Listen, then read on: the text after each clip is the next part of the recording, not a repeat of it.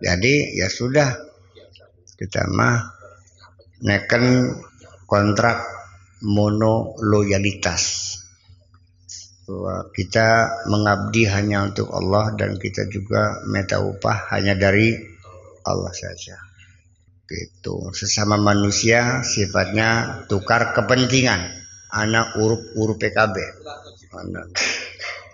Kecuali orang yang menolong kamu itu orang yang sudah tidak melihat wajah siapa pun. Kecuali yang dilihat wajah Allah saja.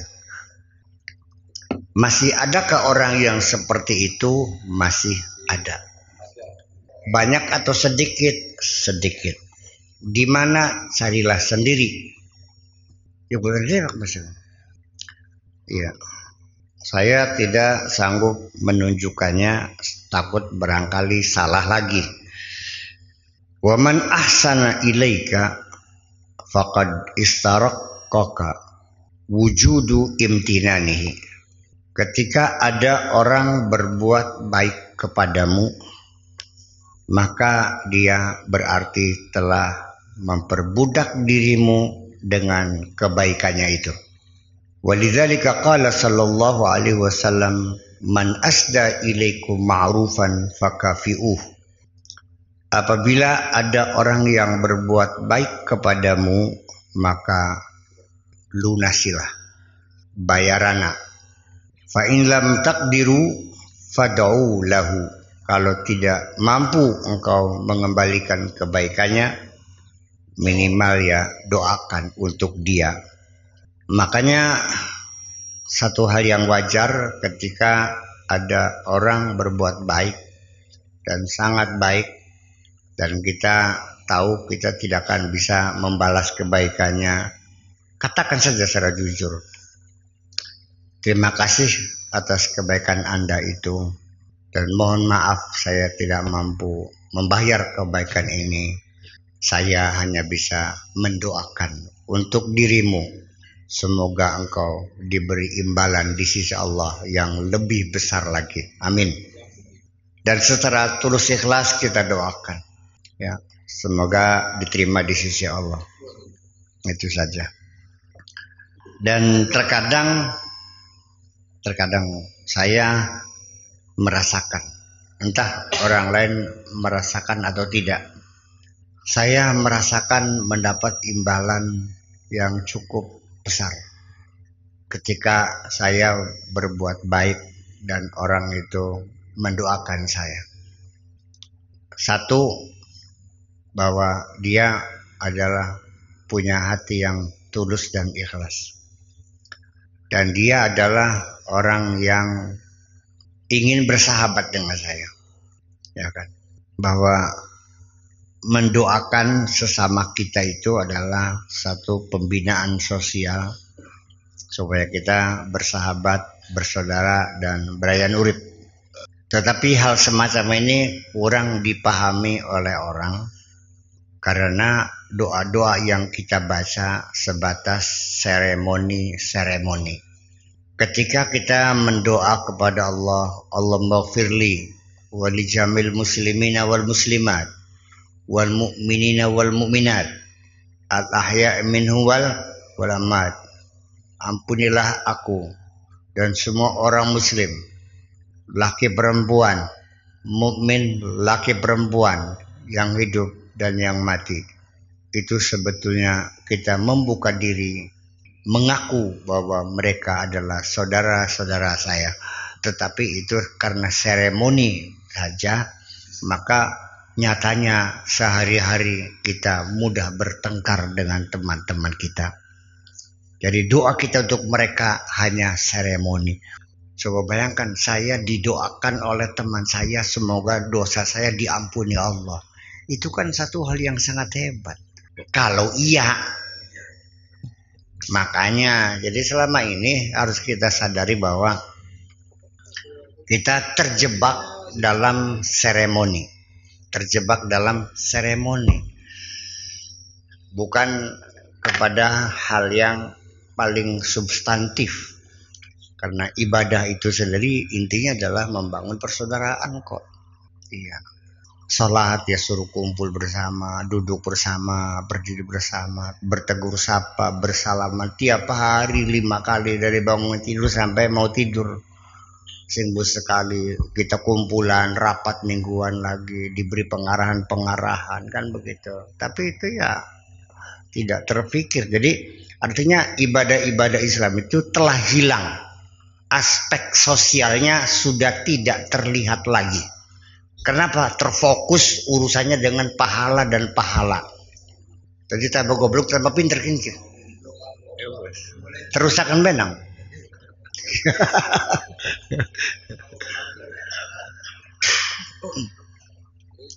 Yo iya, eh, padahal mah Islam itu membuat manasik membuat seremoni itu hanya untuk latihan sebagai sarana untuk membangun kebersamaan. Tetapi karena sudah dibakukan sebagai seremoni yang sakral, malah justru buku boro-boro persatuan, malah sholat menjadi sebab pertengkaran dan permusuhan. Nah, tapi ya, ya sungguh tidak masuk di akal di Al-Quran berulang-ulang. Bahwa kita harus loman kita harus banyak teman terus sayang. Namanya ayat-ayat infak tuh berulang-ulang di setiap lembaran ada. Kok nggak ada yang nyangkol sih bahwa ke keagamaan kita pelaksanaan seremoni-seremoni ya sepuasanya ya sholatnya itu dinyatakan tidak ada artinya kalau dia tidak lebih tidak menunjukkan apa kepada aspek sosialnya. Kalau tidak ada aspek sosialnya itu agama bohong masalah apa iya iya jadi saya kira tidak berlebihan kalau saya katakan tidak ada artinya sholatmu, puasamu, zikirmu. Karena Allah mengatakan bukan sekedar tidak ada artinya, malah Allah menegaskan agamamu bohong. Kalau seandainya Anda tidak membuktikan kepedulian sosial, ini artinya bahwa ibadah itu sebetulnya adalah exercise ya sebagai sarana untuk membangun kepedulian sosial. Tetapi seremoni-seremoni itu terfokus bahkan menjadi sesuatu yang sakral sudah dikebiri sudah dimandulkan dari aspek-aspek sosialnya. Ya iya. Jadi sudah merasa puas ketika orang sudah melakukan sholat sudah merasa puas ketika dia membayar zakat. Sudah puas dia kalau sudah naik haji, selesai. Jadi dikiranya ketika orang itu mengeluarkan zakat, 5% atau 10% bagi petani atau 2,5% berarti dia sudah terbebaskan dari segala dosa karena dia sudah mengeluarkan zakat. Yang jadi masalah ketika orang yang terima zakat itu masih kelaparan, apa sudah bebas dosanya? siapa yang paling berdosa kita juga dapat dosa tapi siapa yang paling berdosa adalah yang berkuasa yang pegang pemerintahan karena tidak mampu ngasih makan rakyatnya. Padahal sudah diamatkan dalam Undang-Undang Dasar 45 bahwa fakir miskin yatim piatu tanggungan negara. Kayak-kayak dari inti neraka beliau nah, ketika kita sebagai pelaku kita yang berbuat baik.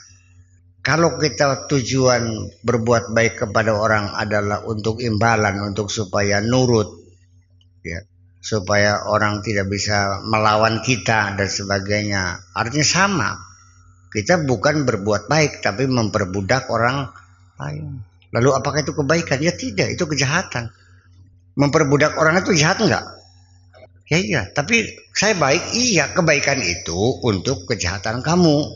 Berarti kejahatan. Ngone kitabnya dibuka bab infak kosong, bab nafkah kosong, bab sodako kosong, jariah kosong, wakaf kosong abe. Anane kejahatan, kejahatan, kejahatan. Isinya kebaikannya itu tujuannya untuk menobatkan dirinya sebagai orang terhormat. Untuk memposisikan dirinya sebagai Tuhan. Kira-kira orang semua nurut sama gue semua. Kenapa saya katakan demikian? Itu dari sisi itu.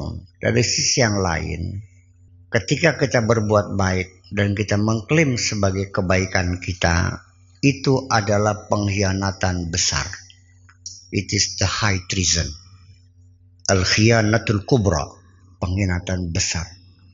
Kebaikan Allah Anda klaim sebagai kebaikan dirimu.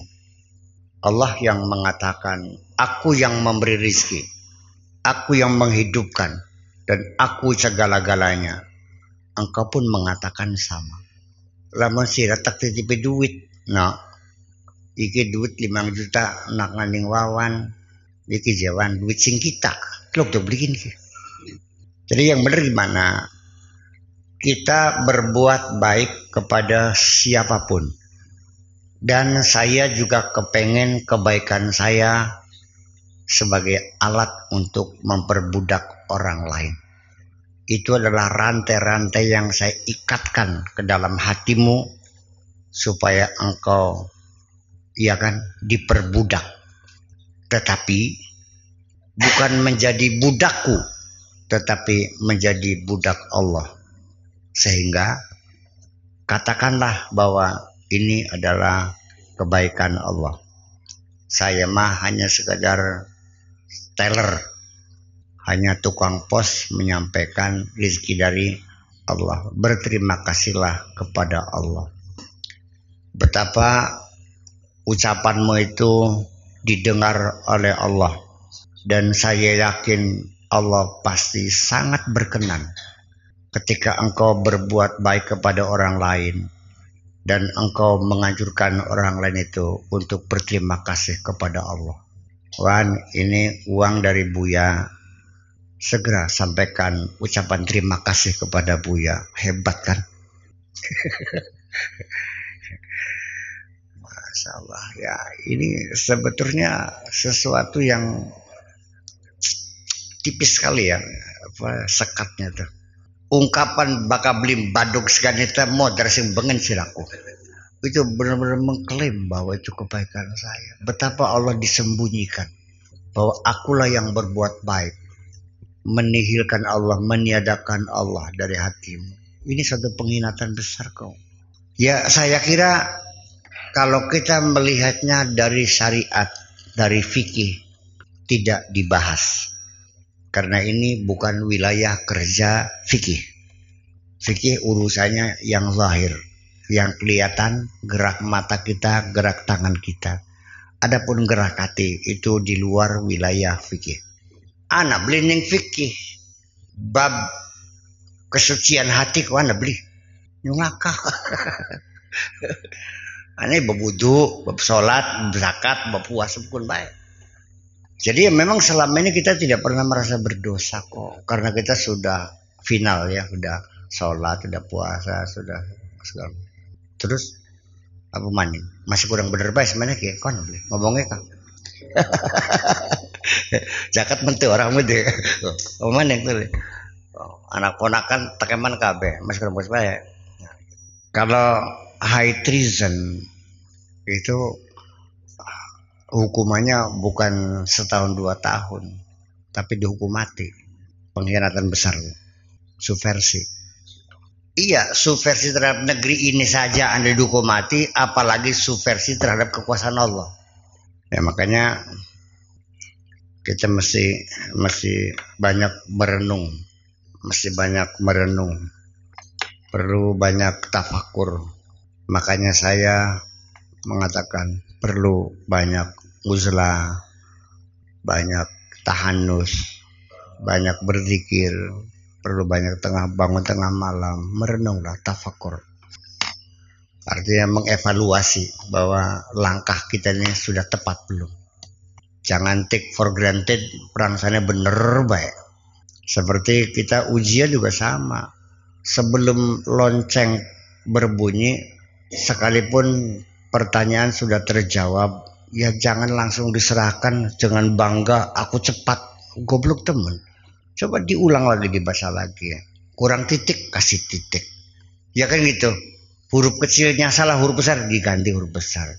Ya kan gitu. Barangkali saja sisa waktu itu bisa untuk memperbaiki kesalahan-kesalahan jawaban kita.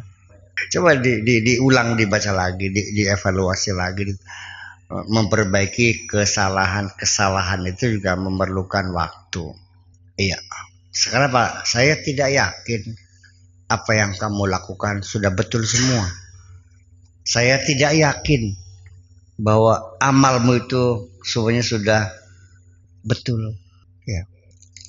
Mumpung masih diberi waktu, coba kita revisi, kita ralat, kita perbaiki sehingga kualitas kerja kita semakin hari semakin semakin baik.